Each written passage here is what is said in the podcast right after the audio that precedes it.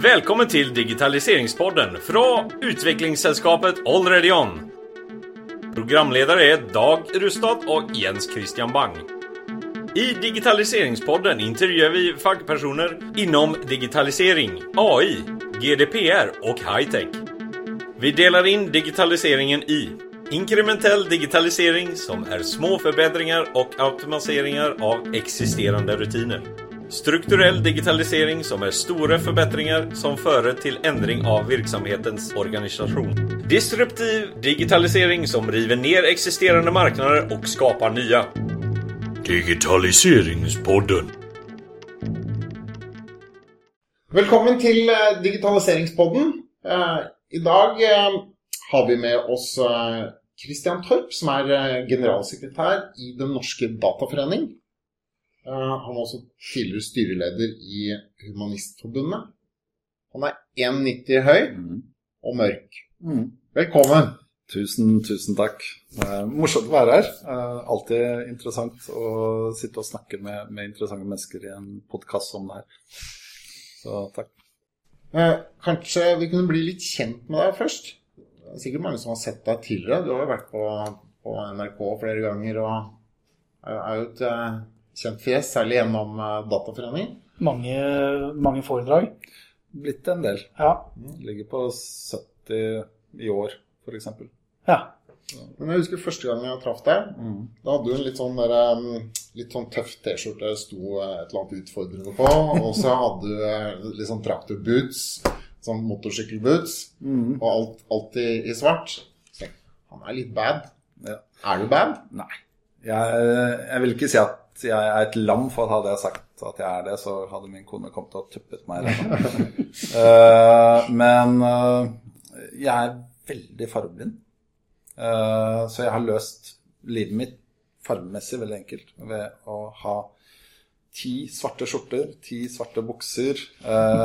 Jeg har én hvit skjorte og en lys dress som jeg bruker når uh, kleskoden tilsier at jeg må komme med sommerdress. Uh, ellers er alt jeg har svart. Det er veldig praktisk. Jeg bruker aldri tid foran klesskapet. Så Du ser jo da bra ut for det. Ser Ja, ja, ja, ja, absolutt. høy og mørk. Sånn. Min, min kone har en sånn forkjærlighet for Johnny Cash, 'My Man in Black'. Uh, så det er det hun kaller meg ofte. Ja, bra. Men um, før vi begynner på datadelen. Du har jo også vært um, styreleder i Humanistforbundet. yes. Det høres ut som litt sånn myke verdier. eh. Ja, med andre ord, jeg er ikke så bad. Jeg har, eh, For tre år siden så havnet jeg i en diskusjon rundt Game of Thrones. Eh, jeg har et veldig nært forhold til bøkene. Og jeg har alltid hatt en forkjærlighet for Lannister senior, altså pappa Lannister. Eh, han er kanskje den kjipeste, verste personen i serien, men jeg mente at han etisk sett var den som var mest riktig i forhold til den moral og etikk han sto for. Og det argumenterte jeg for da i en diskusjon. Det, de andre var veldig, veldig veldig uenige med meg og mente at han var noe av det verste som har eh, vært på TV. Og midt i den diskusjonen så kom jeg med et argument som midtveis i setningen så fant jeg ut at det er helt feil. Og så falt jeg helt ut av diskusjonen. Og det var en setning jeg lærte hjemmefra da jeg var liten, fra mine foreldre, og som gikk på en sånn eh, spesifikk retning innenfor etikk. Og jeg skjønte at har jeg blitt så sterk at jeg siterer mine foreldre, eller har jeg kommet lenger i livet? Og da fant jeg ut at vet du hva, jeg, må, jeg har hatt en filosofi hele livet mitt av å gjøre en ny ting hvert år som jeg ikke kan, og som tar meg ut av komfortsonen. Eh, nå skal jeg gå, det her må jeg gjøre noe med. Så jeg begynte å søke etter miljøer hvor jeg kunne diskutere, og hvor diskusjonen var viktigere enn å komme frem til en løsning. Ja.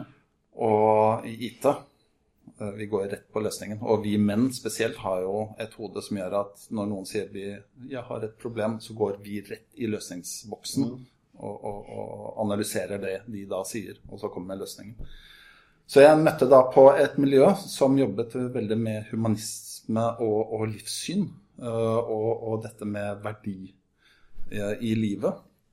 Og, i av, eh, og i den prosessen så var det en, min sønn ville konfirmere seg, og han ville ikke gjøre det i kirken. Vi har alltid vært humanister.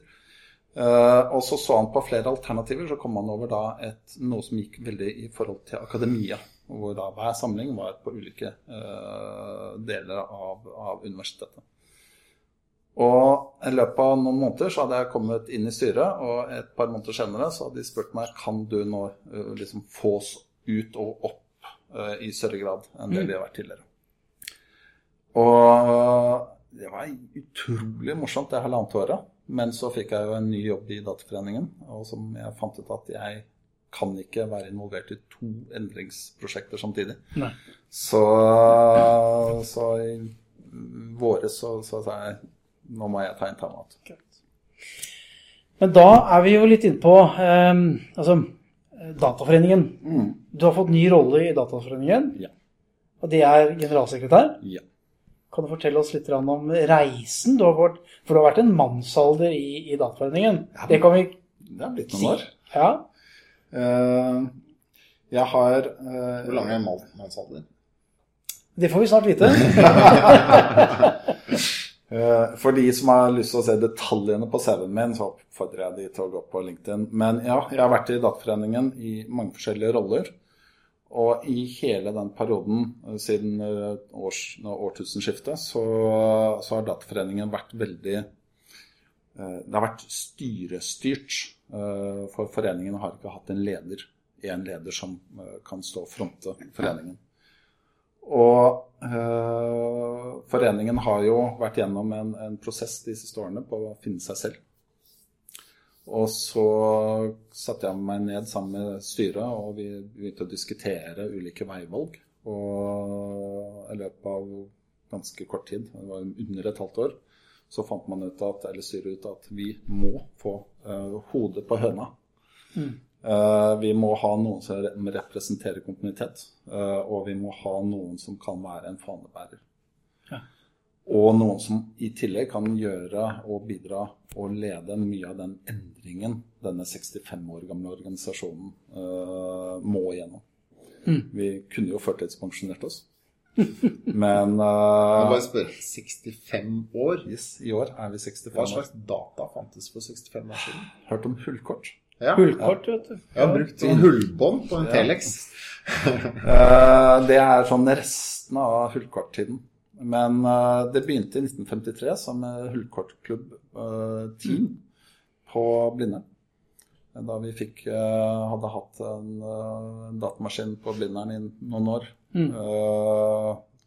og veldig koblet Blindern og Norske Reinsentral, eller forgjengeren til Norske Reinsentral. De var på 50-tallet? Ja. Så det har vært mange endringer opp gjennom årene, men det har vært sånn langsomme endringer. Nei, jeg har avsporet litt med den der. men vi kunne fortsatt pensjonert oss, men vi ser at hele foreningen er så endringssultne, og det er så mange dyktige ildsjeler. Vi har nesten 500 ildsjeler. Ja. Uh, at uh, nå endrer vi foreningen fortere og mer totalt enn noen gang i historien i løpet av de 65 årene. Ah. Så det er utrolig morsomt løp. Og der er du generalsekretær. Ja. Og da, altså, Jeg var lurt litt på det, bare falt inn. Hva er forskjellen på generalsekretær og daglig leder? Er det, er det noen formelle forskjeller? Teknisk sett, når du ser utførende, så er det ikke det. Men ja. uh, vi diskuterte hva skal stillingen være. Og uh, Dataforeningen er not for profit. Altså alle inntektene skal gå tilbake til medlemmene. Eh, en administrerende direktør eh, plasserer man mer som en leder av en virksomhet som skal ha penger på bunnlinjen. Mm. Eh, så vi fant ut at det som tittel ville være med å forsterke det at vi er idealistiske, vi ja. er not for profit, og vi er mm. ildsjelbaserte. Ja, og det var en av grunnene til da vi kjørte reposisjoneringsprosjekt nå i vinter, at vi fant ut at navnet Den norske dataforening som mange stilte spørsmål om var gammeldags, egentlig ikke er gammeldags. Det er bare på en måte feil brukt. Det har vært utydelig. Mm. Uh, vi har hatt en brand frem til da som ikke var vedlikeholdt. Mm. Uh, så liksom den ene tingen etter den andre forsterket det at vi fremsto som gammelmodige. Så vi er forening, og jeg er generalsekretær, og, det, og vi er den, den eneste norske. Et, altså, jeg, jeg, må, jeg må få lov til å si også, det, det er mulig jeg banner litt i kjerka, som vi pleier å si, men, men Dataforeningen, Ja. er, det, er det navnet også liksom litt sånn opp til diskusjon i forhold til ny branding? Eh, vi kjørte en uh, case på det, på grunn av at når det gjelder navn, så kan man ta den uh, kreative. Ja. Typisk sånn Virke eller Equinor eller den type. Da trenger man markedsbudsjett som er på ganske høyt sifret eh, antall millioner. Eh, og når vi da begynte å se på de ulike bestanddelene, altså forening, det er vi. Uh, vi er den norske. Og så data går på kommunikasjon mellom uh, to enheter eller to mennesker. Og når vi da hadde kjørt hele det assosiasjonsprosjektet, så fant vi ut at dette navnet er egentlig genialt. Det står enda. Det står definitivt. Det står egentlig sterkere nå enn Ja. bare for ti år siden. Og det er et navn som tåler tidens tann. Ja. Eh, Det var selvfølgelig noen som kom og sa la oss kalle oss Digitaliseringsforeningen. Men om fem år så tror jeg vi kommer til å være ganske slitne av det ordet. Ja, ja, ja, ja. Nei, men hvorfor jeg spør, er at jeg, jeg er gammel ergogruppmann og har vært Yes. med på å hete EDB Ergogrupp. Yes. Så jeg måtte bare få lov til å spørre. Jeg, Men um, eh, vi skal snart litt over på litt sånn eh, andre topics. Men 60 sekunder på å fortelle hva Dataforeningen er. ja. Eh, hvis jeg får lov å komme med en liten innledning Ja. eh, Og jeg vet at det er noe som dere nevner, eh, eller kommer litt tilbake til. Eh, jo, vi er en grasrotbevegelse, egentlig. Vi er en eh, fagpersonfokusert eh, forening. Vi er den eneste store nøytrale møteplassen hvor konkurrenter og kundeleverandører, hvor alle kan møtes i en setting hvor premissene er ikke salg, men fag. For vi vet at folk lærer mest av å snakke med andre. Man lærer mye av å se på YouTube og den med sånn passive situasjoner, men det å ha meningsbrytninger med andre mennesker, eh, og det å som gruppe finne ut at dette vil vi lære mer om, eller eh, en i gruppen kan det, og man har den nærmest gruppeinterne opplæringen, eh, det gjør Dataforeningen helt unik. Og vi er landsdekkende, og det er noe som vi ikke har vært flinke til å synliggjøre. Det kommer til å skje ganske mye fremover der nå. Ja. Uh, og i forhold til sånn som IKT Norge, som gjør en kjempejobb, men de jobber med rammebetingelser for uh, leverandørene. Og de jobber mot ledelse. Jeg jobber mot fagpersonene. Riktig. Så, og vi kjenner de samme sjefene. For uh, min jobb er å kjenne sjefene, men kjernen er fagpersoner. Ja. Bra. Det var eh, for meg i hvert fall oppklar- oppklarende på 60 Ja, sekunder. og så er Ja. forskjellen eh, Kjente ikke jeg til sånn i detalj heller. Nei. Men hvis vi skal gå inn på en av fagområdene som jeg vet du, du har jobbet veldig mye med, um, det er GDPR. Og Uh, har vi, nå har vi deg i stolen. Ja. Ja, ja. jeg, må- jeg må bare si eh, jeg har tenkt mye på, på GDPR, spesielt fordi vi har og blitt kjent med GDPR fordi vi har et medlemssystem som dere tar i bruk i disse dager. Eh, og dere har jo vært en veldig tøff kunde å ha, for dere stilte veldig mye krav til Ja. GDPR. Så vi har jo blåst et tusentalls timer på det. Ditto.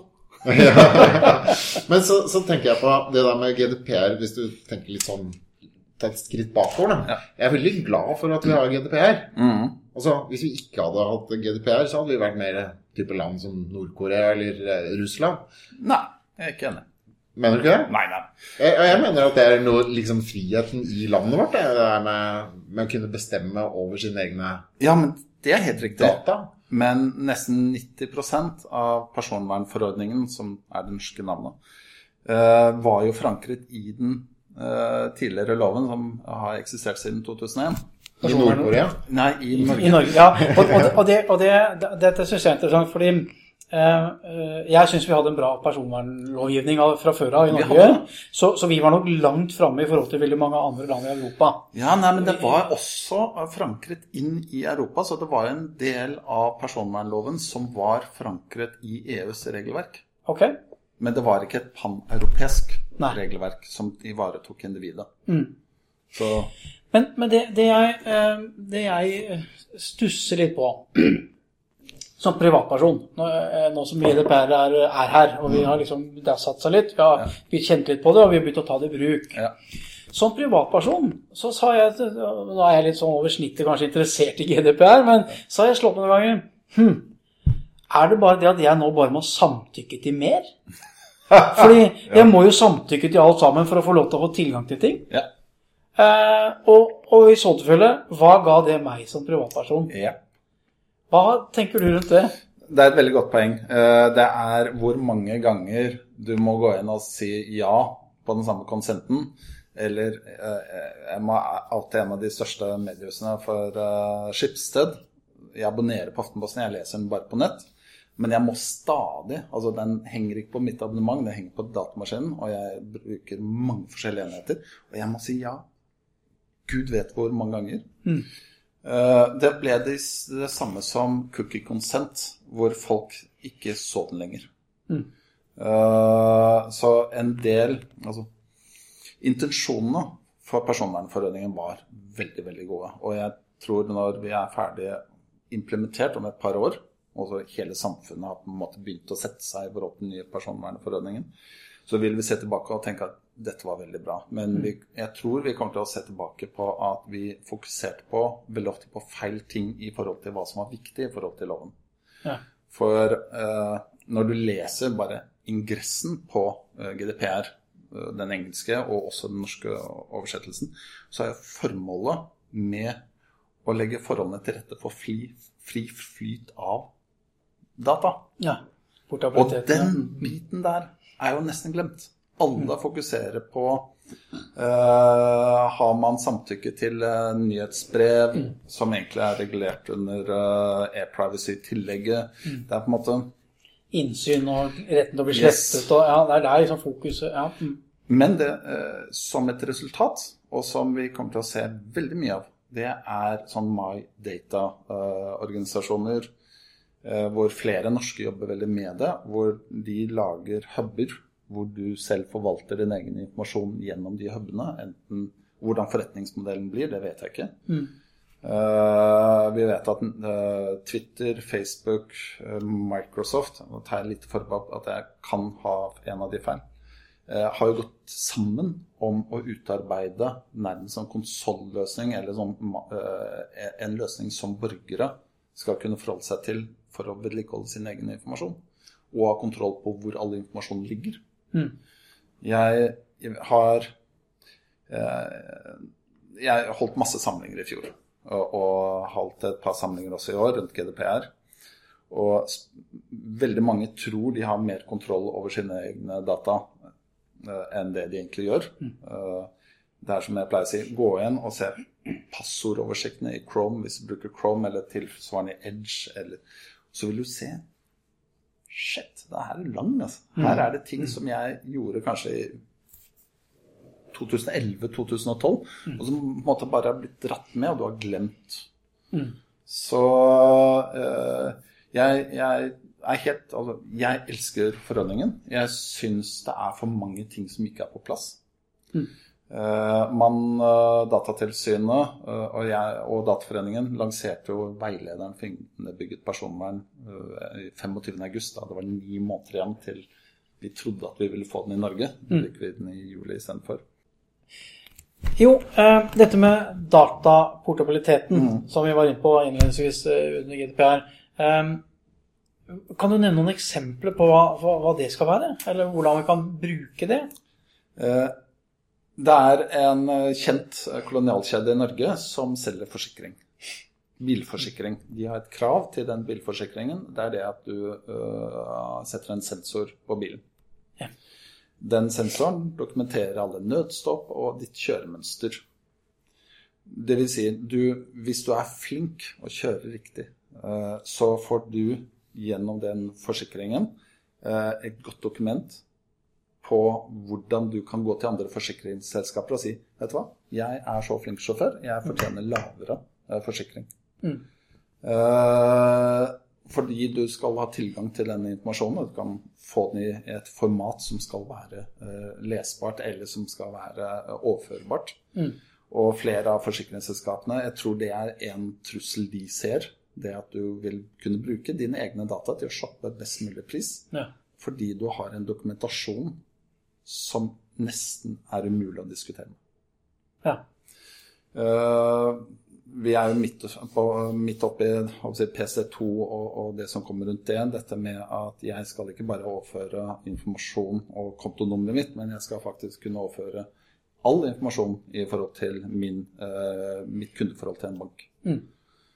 Uh, for til, altså, noe av det som er intensjonene i, i, den delen av GDPR, er det at borgere skal kunne enklere kunne bytte leverandører uh, basert på hva som er praktisk for dem. Ja. Og mange velger jo å ikke bytte en kunde fordi de tenker at det tar så lang tid å bygge opp den automatikken eller hva det mm. skulle være hos en ny kunde. Nei, og leverandør. Ja. Det er to enkle eksempler. Mm. Men da skal du få med deg hele rekorden på hvordan du har kjørt, og hvor du har kjørt, og hvor fort du har kjørt eh, de siste ti årene, eller? Nei, ja. Ja. Eh, det er du som styrer som borger. Ja. Mm. Eh, men jeg stiller jo da sånn kritiske spørsmål.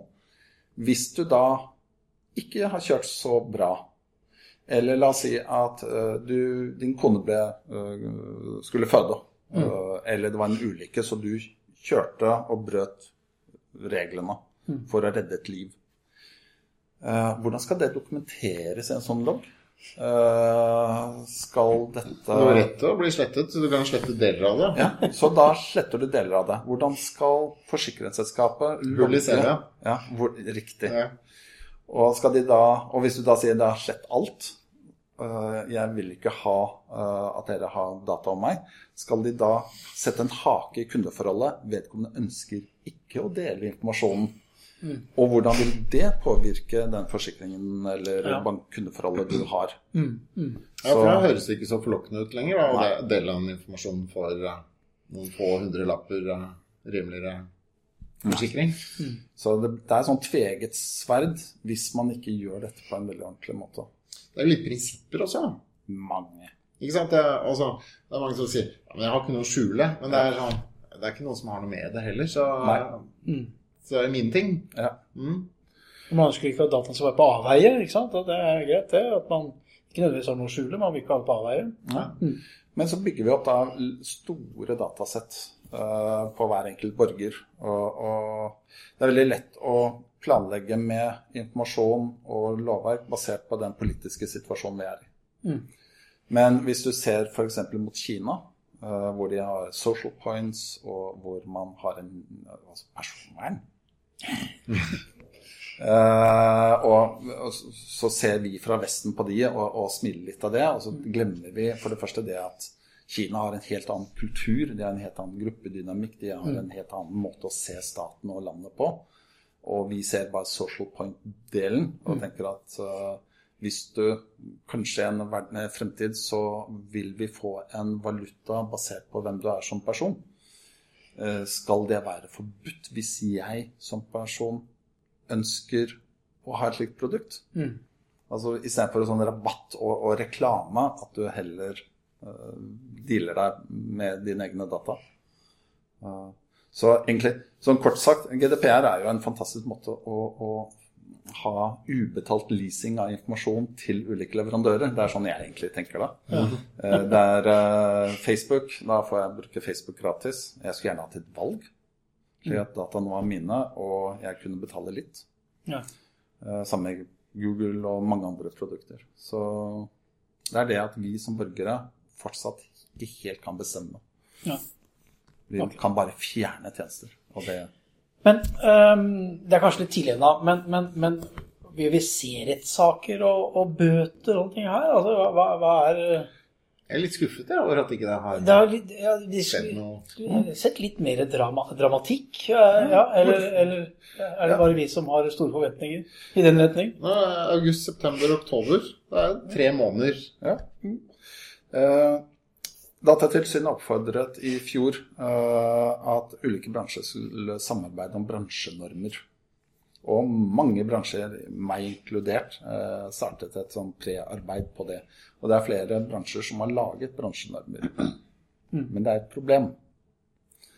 Og det er det at EU har ikke kommet med kravene til hva som skal være i en bransjenorm enda, så man har ikke den sjekklisten. Nei. Så øh, veldig mange har brukt mye tid på noe som man egentlig ikke helt kan standardisere som Nei. en norm.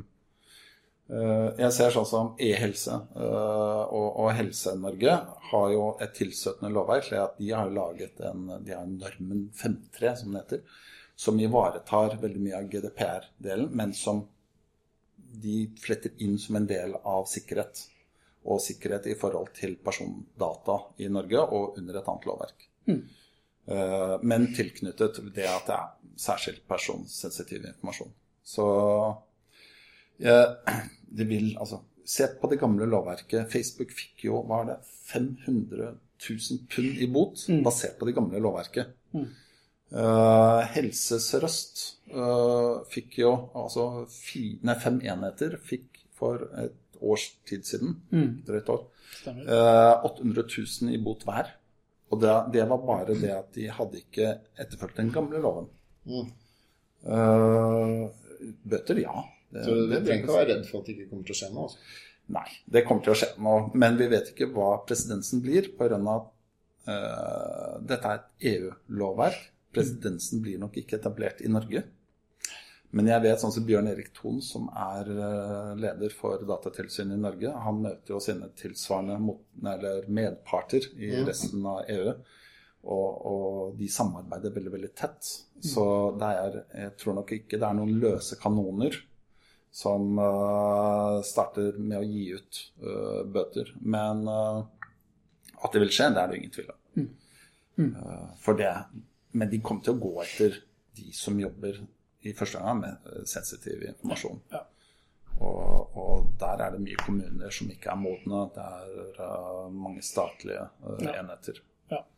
Helse. Og Datatilsynet er 40 pluss ansatte. Og de kjørte 26 tror jeg, i tilsyn i hele fjor. Ja. Altså, det, er, det er begrenset hva de klarer å gjøre i Norge. ja, som utøvende part. Ja. Yes. Ja, da fortsetter vi litt med digitalisering. For nå Vi ble aldri ferdig med GDPR. Det, Vi blir aldri ferdig med GDPR. Men eh, vi må jo snakke litt om digitalisering også. Ja. Og, uh, vi, vi pleier å dele inn digitalisering i det vi kaller uh, inkrementell digitalisering. Som er små justeringer av rutiner vi allerede har.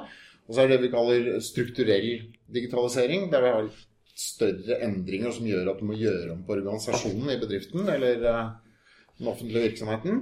Og det siste, og det kanskje er mest spennende, det er jo det vi kaller disruptiv digitalisering. Det er endringen du gjør, ødelegger et marked, eh, for så å skape et nytt marked. Ja. Typiske eh, eksempler der er Uber, Uber, ja. for eksempel.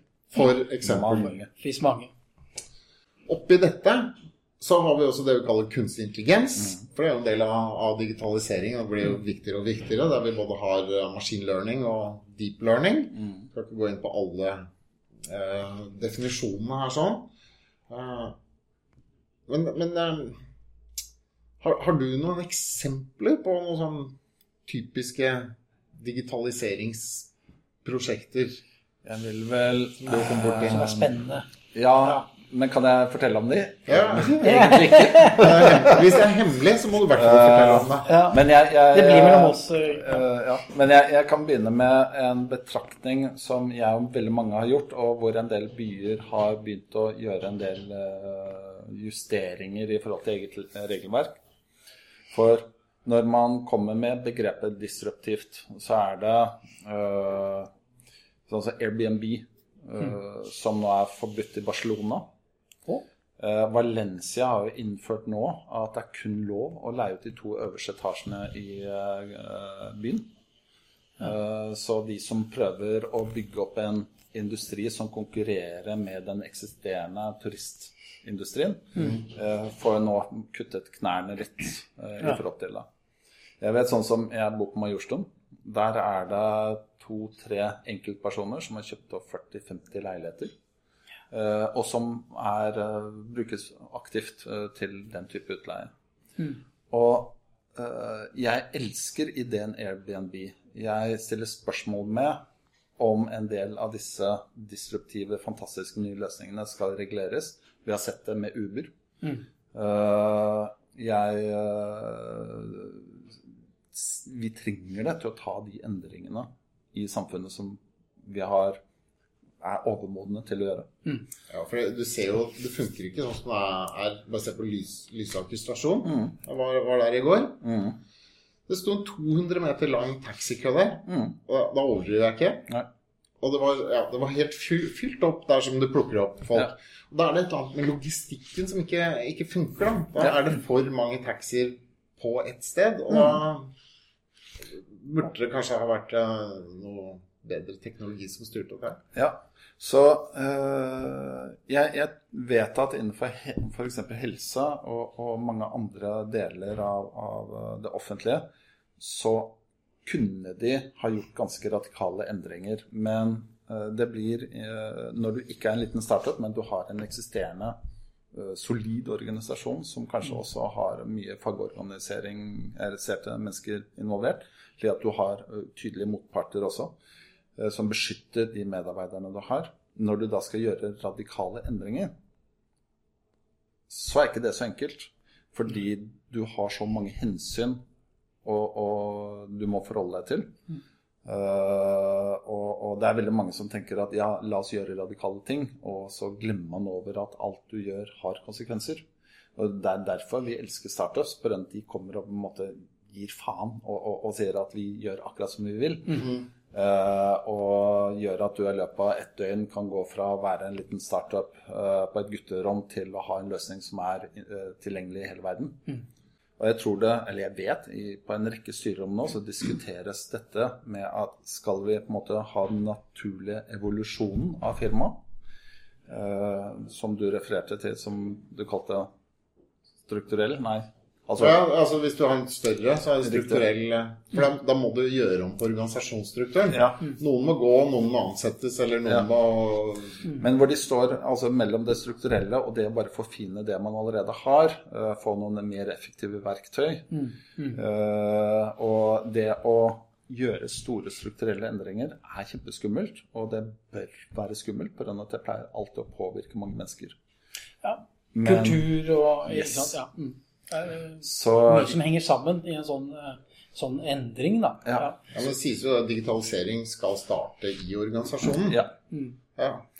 Det starter ikke med at regjeringen sier at Norge skal bli mer innovative, eh, og at firmaene skal bli mer innovative. Det blir som om de skal si at nordmenn skal bli mer lykkelige. Altså, man kan ikke gjøre det på den måten. Man, uh, uh, altså, innovasjon starter nærmest på grasrota. Altså, starter hos mennesker og enkeltmennesker, ikke en organisasjon som sier at nå skal vi finne på et eller annet. Det kan fungere, men, men unntaksvis så ser vi at de gode casene kommer fra organisasjonen skal innovere seg. Så eh, Enten, enten internt eller eksternt. Ja. Altså I kommunikasjon med en kommune. altså E-byggesak er jo en typisk Yes. eh, innovasjon som er, som er lett å snakke om. altså Hvor man da faktisk gjør dette elektronisk. yes. I stedet for at man sitter med masse saksbehandlere i kommunen, Mm. så, gjør, så har vi automatisert eh, eller byggesøknadsprosessen. Det går nesten sånn. Går nesten sånn. Ja. Vi er i hvert fall snart der. Du slipper stempel på et papir. Ja. Du slipper å møte opp. Notarius. Ja, ja. Ja. Og, og den type eh, innovasjon er jo spennende i det offentlige. At, eh, altså, det er ikke dermed sagt at, vi skal, at det offentlige skal fremstå på en helt annen måte enn tidligere, men at vi kan effektivisere og automatisere eh, tjenester for borgeren, Ja. er jo kjempespennende. Det er det.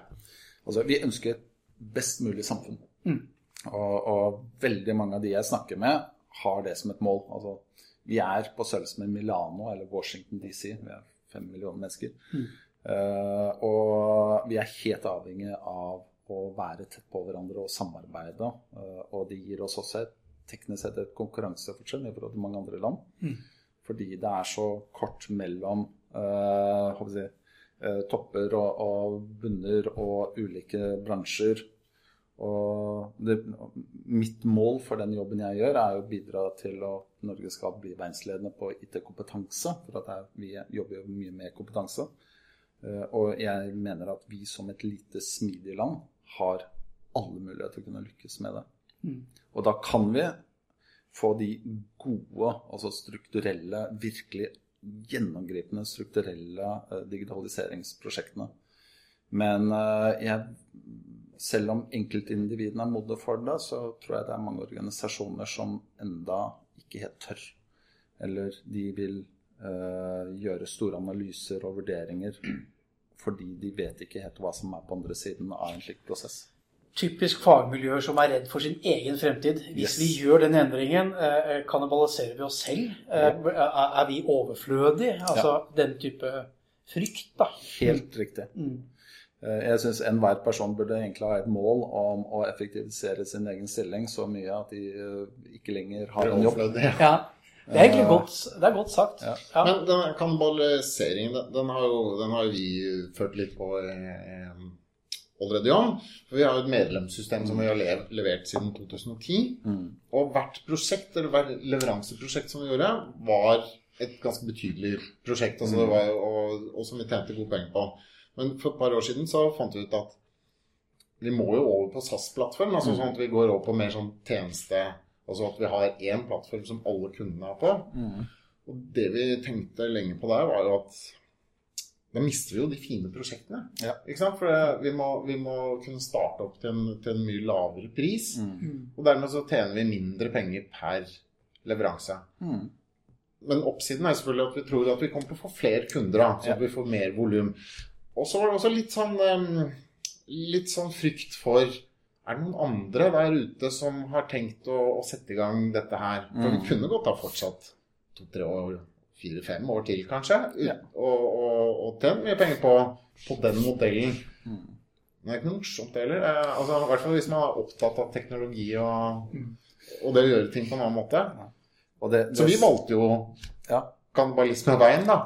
Og det, det tror jeg var veldig riktig av dere. Jeg husker jo jeg hadde et møte med deg i 2014, var det vel? Okay. Og, og hvor dere da var det jeg tenker på som klientbaserte. Mm. Eh, Hvor jeg sa at jeg kan ikke bytte ut det dårlige vi har nå, med noe som på en måte bare forfiner problemstillingen. Tar ikke med meg inn i fremtiden. Nei. Og, men du, eh, jeg regner med at du har opplevd på kroppen den problemstillingen når du da faktisk kommer til det punktet hvor du har et produkt. Og så har du de gamle, gode casene. Mm. Og så vil det alltid være en siste kunde på de gamle, gode casene, som da ser plutselig kommer noe som er nytt og muligens mye bedre. Og uh, det tror jeg også er en del firmaer syns er kjempeskummelt. Altså, hva sier kunden? Eh, De kommer til å bli sinte. Uh, vi har brukt masse penger på et prosjekt, og så, så plutselig kommer det noe som er enklere og Og nå er det full fokus på det isteden. Ja. de, de tilbakemeldingene har vi fått, uh, fått flere av. Um, men jeg tror mye av det er mer kanskje følelser enn at uh, Det er jo ingen som mener at vi ikke skal forbedre eller gjøre leveranseprosessen bedre. Men det, det å, føle at man er left behind, Ja. er, er jo ikke bra. Så, så det er jo snakk om å, å få hjulpet flest mulig over på den nye plattformen. Men som du sier, det vil alltid være én siste Ja. kunde.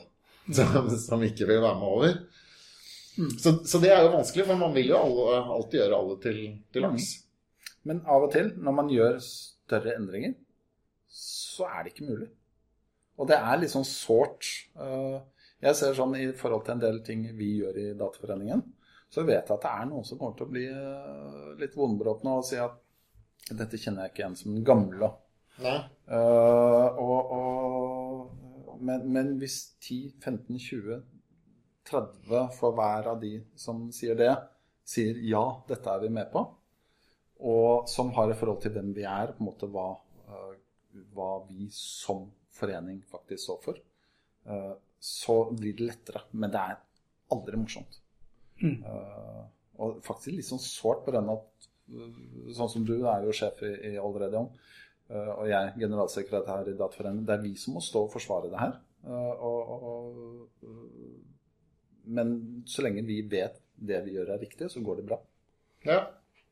Men det, ja, og det er litt sånn hvilken stil man har. Altså, Noen skal jo bare kjøre det samme løpet videre til det går over. nær sagt. Ja. Mens det som er, er gøy i en lederrolle eller i et team, er jo hele tiden å tenke hva ville vært den mest ideelle måten å gjøre det på? Ja. Altså, Hva er den beste måten å gjøre det på?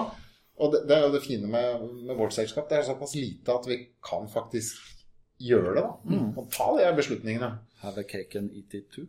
Ja. Jo, men det er noe med det. Altså, jeg, jeg kommer jo fra en mye større organisasjon tidligere. Mm.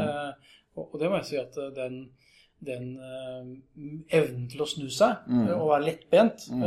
som vi er i Allredionen, er jo en, en helt annen hverdag enn i en stor organisasjon hvor det er one-pager, two-pager og, og, og mange forumer hvor ting skal igjennom.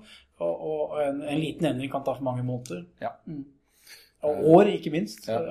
Ja. Det er sånn vi skal innovere. Uh, skal vi se, Da må vi ha inn den avdelingen, den avdelingen, den avdelingen. Og så møter man da folk som ikke helt er med på hvorfor man trenger forandring.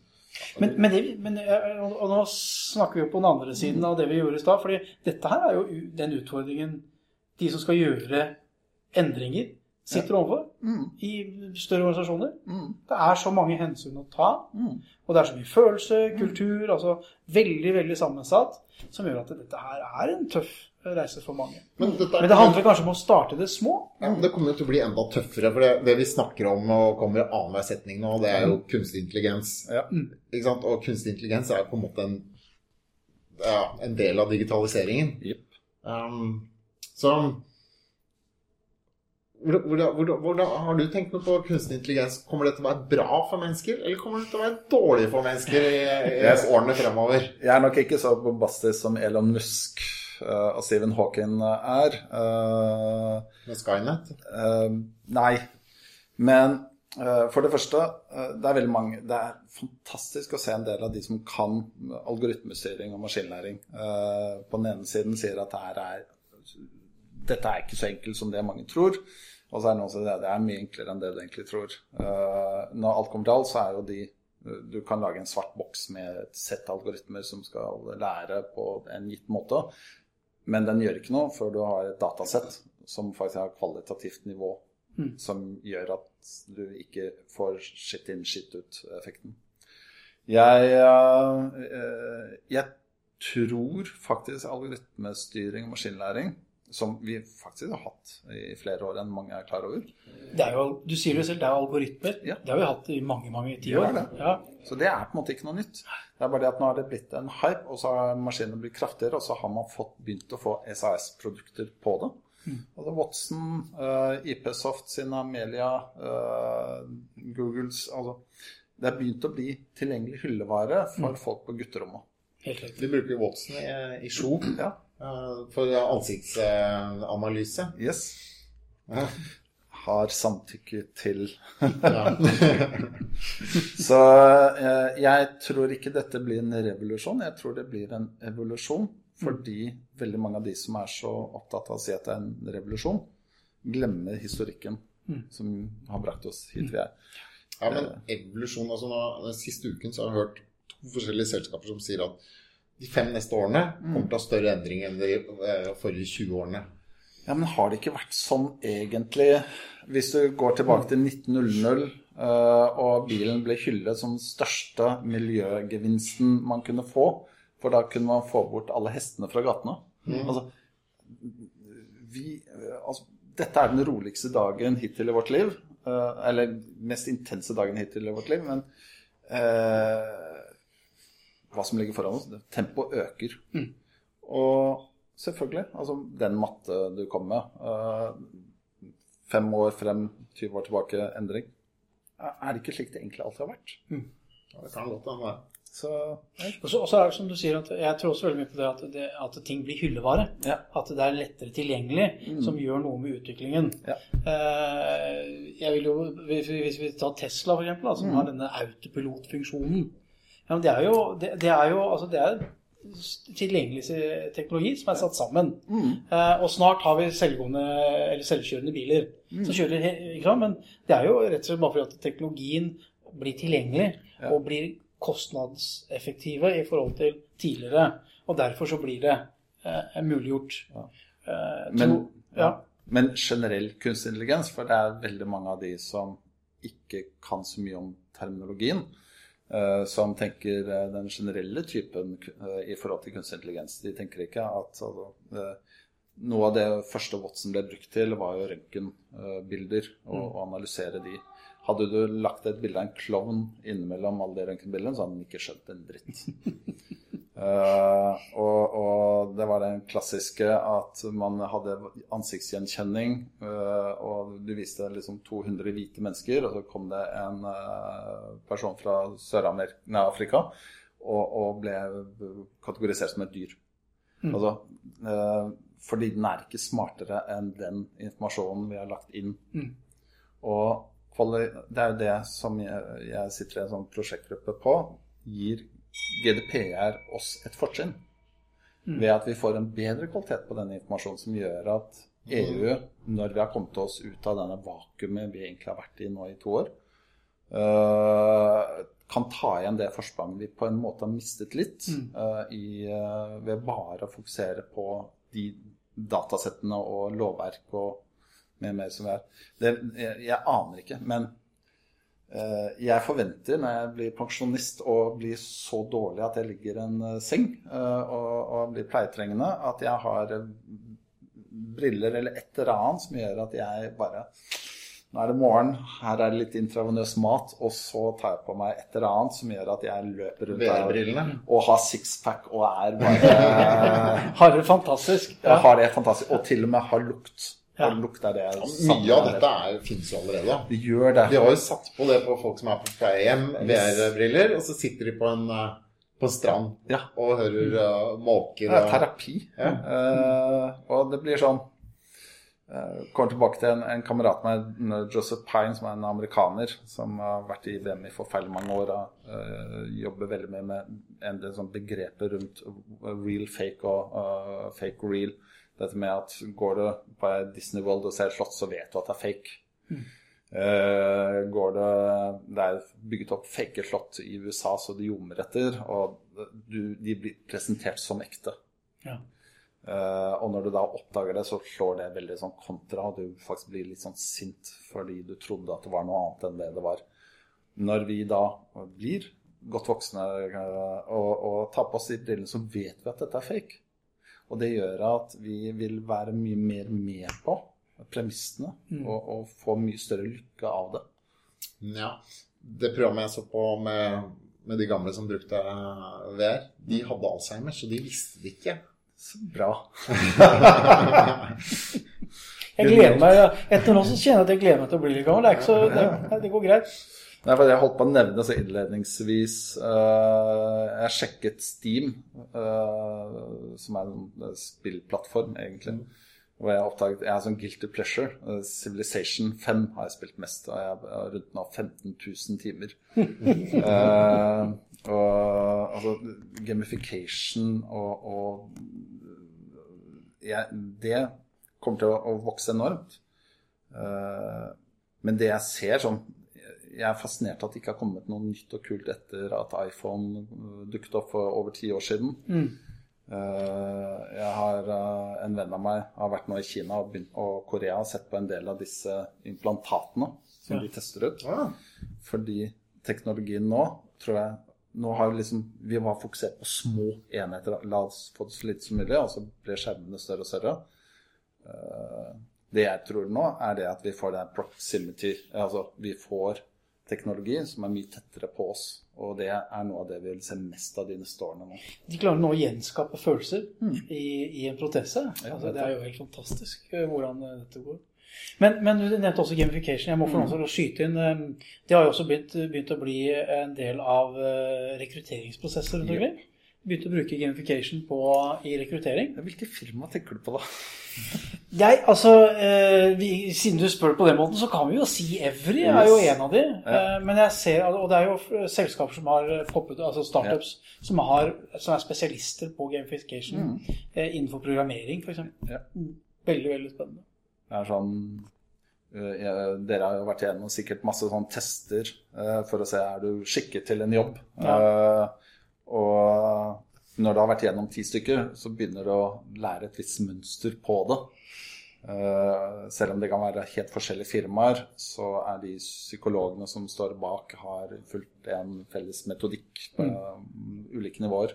Og det jeg liker med gamification, som er helt altså det er ganske tidlig ute, eh, er det at man tester ut dette med kulturelle eh, Er du faktisk den du sier at du er?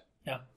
Uh, Synligtester Mener du- faktisk. Mente du at gamification er tidlig ute nå? Ja, altså, vi er i en tidlig fase av hva det kommer til å bli.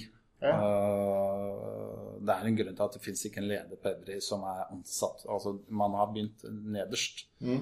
Uh, og man ser jo kjemperesultater av det. Og er det nå en kjønnsandel på over 40 kvinner. Mm. Uh, og det var ned på 25 eller noe sånt. 24.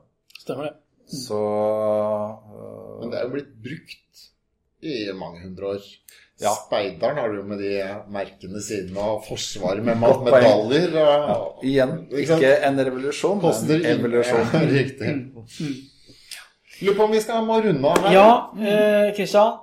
Utrolig hyggelig at du tok deg tid og besøkte oss. Veldig hyggelig å være her. Eh, masse gode samtaletemaer. Eh, Dette var lærerikt. Ja, Det må vi gjøre igjen, Ja. som det heter. det, det skal vi få til. Mm. Tusen takk for tiden, og lykke til videre med Dataforeningen. Tusen takk. Abonner på Digitaliseringspodden i din podcastspelare. Håll deg oppdatert med Digitaliseringspodden. Denne sending av Digitaliseringspodden er produsert av utviklingsselskapet Already On. Takk for at du har lyssnat på Digitaliseringspodden.